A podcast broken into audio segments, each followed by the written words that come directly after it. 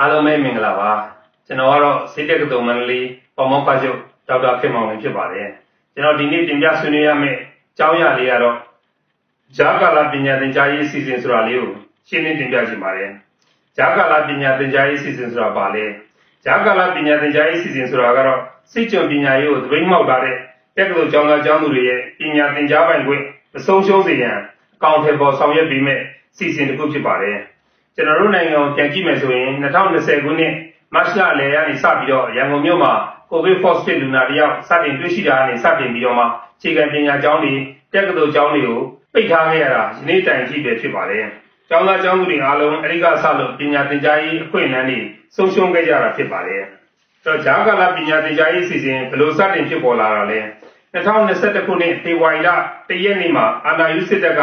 အာဏာသိမ်းပြီးတဲ့နောက်ပိုင်းဖွဲ့စည်းဖြစ်ပေါ်လာတဲ့ CRPH နဲ့မြို့သားညီညွတ်ရေးဆိုရ NUG တို့ရဲ့ပညာရေးနဲ့ကျန်းမာရေးဝန်ကြီးဌာနဝန်ကြီးဒေါက်တာဇော်ဝေစိုးမဦးဆောင်က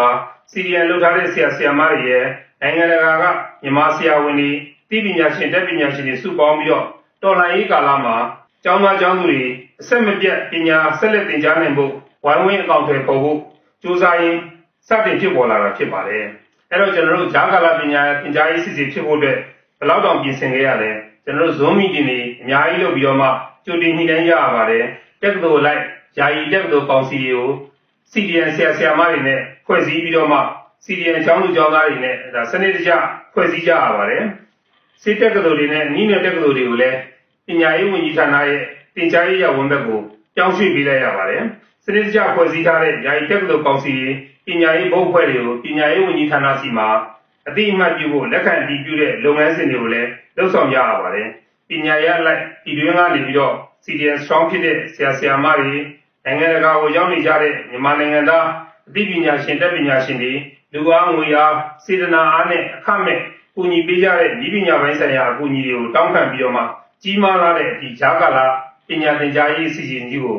ကောင်းတယ်ပေါ်ခဲ့ကြတာဖြစ်ပါတယ်။ရည်ရွယ်ချက်ကဘာတွေလဲလို့မေးလာခဲ့မယ်ဆိုရင်တော့ ဂျာကာလာပညာသင်ကြားရေးအစီအစဉ်ဟာတက္ကသိုလ်ကျောင်းသားကျောင်းသူများအားလုံးရဲ့စင်စစ်မပြတ်ပညာသင်ကြားရေးကိုအထောက်ပံ့ပေးနိုင်ပြီးတော့တော်လှန်ရေးကာလရေးပေါ်အခြေအနေတွေမှာလည်းစေပညာသုံးဖို့မိမိတို့တက်ထားတဲ့ရှေးဥတုနာပြုစုပညာတွေအခြားနည်းပညာရဲ့အပြင်အထောက်အကူပေးနိုင်တဲ့ပညာရေးရဝန်ကြီးတစ်ခုခေါ်ဆောင်နိုင်မှုရည်ရွယ်ပြီးတော့လှုပ်ဆောင်ခဲ့ကြတာဖြစ်ပါတယ်။ဒါကြောင့်မလို့တက္ကသိုလ်တီးတီးအတန်းတီးတီးပညာရေးတီးတီးရဲ့အတွက်တော်လှန်ရေးကာလနဲ့လည်းလုံးညီတွေဖြစ်မဲ့ သင်ယုံညွှန်းတမ်းတွေကိုရေးဆွဲပြီးတော့သင်ကြားပေးမယ်။လုံခြုံစိတ်ချပြီးတော့စနစ်တကျစီမံခန့်ခွဲနိုင်တဲ့သင်ကြားမှုသင်ယူမှုစနစ် learning management system တစ်ခုကိုထူထောင်မယ်။ online ကနေစင်သင်ကြားရေးသင်ယူရေးလုပ်ငန်းစဉ်တွေကိုကျောင်းသားကျောင်းသူတွေက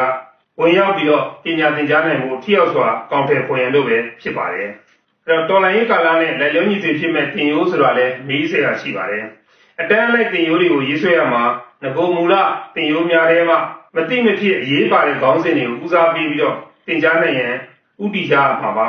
တော်လိုင်းရေးကာလရေးပေါ်အခြေအနေများတွင်ထိခိုက်တဲ့လူနာတွေကိုကူညီပေးနိုင်တဲ့အခြေခံကြတဲ့ပြုစုကုသနိုင်တဲ့သင်ခန်းစာများအပါအဝင်ကျောင်းသားကျောင်းသူများအတွက်ရှင်းဆက်ရမယ့်ဝါကီလန်အတွက်အကျိုးရှိတဲ့သင်ခန်းစာများကိုလည်းထည့်သွင်းရေးဆွဲပြီးတော့သင်ကြားပေးသွားမှာဖြစ်ပါတယ်။လုံခြုံစိတ်ချရသောသင်ကြားရေးရဝန်ဆိုတာကတော့တော်လိုင်းရေးကာလအတွင်းဆရာနာရှင်ရဲ့ စစ်ချုပ်ပညာရေးကိုစန့်ကျင်ပြီးတော့ဂျာကာလာတင်ကြားရေးစီစဉ်တွေမှာပါဝင်ဖော်ဆောင်ပေးကြမယ် CDN ဆရာဆရာမတွေရဲ့လုံခြုံရေးပါဝင်ပြီးတော့တက်ရောက်ကြမယ်ကျောင်းသားကျောင်းသူတွေရဲ့လုံခြုံရေးရလည်းအဓိကကြတဲ့အချက်တစ်ခုဖြစ်ပါတယ်။ဒါကြောင့်မလို့ဂျာကာလာပညာတင်ကြားရေးစီစဉ်မှာပါဝင်တက်ရောက်ကြမယ်ကျောင်းသားကျောင်းသူတွေကိုစနစ်တကျစစ်ဆေးတည်ပြုလို့ရမယ် enrollment system တစ်ခုထားရှိပြီးတော့မှလုံခြုံစိတ်ချစွာပညာသင်ကြားနိုင်ပြီးတော့ CDN ဆရာဆရာမတွေကလည်းသင်ကြားရေးလုပ်ငန်းတွေကိုစိတ်ချလုံခြုံစွာ ဆောင်ရွက်ပေးနိုင်မှာဖြစ်တဲ့အတွက်ဒီဂျာကာလာပညာသင်ကြားရေးအစီအစဉ်တွေဟာကျောင်းသူကျောင်းသားတွေအတွက်အထူးပဲအရေးကြီးပြီးတော့လွန်စွာအကျိုးရှိမဲ့စီစဉ်တည်းဖြစ်ပါတယ်လို့ဒါပထမအနေနဲ့ကျွန်တော်ဒီနေ့ကတော့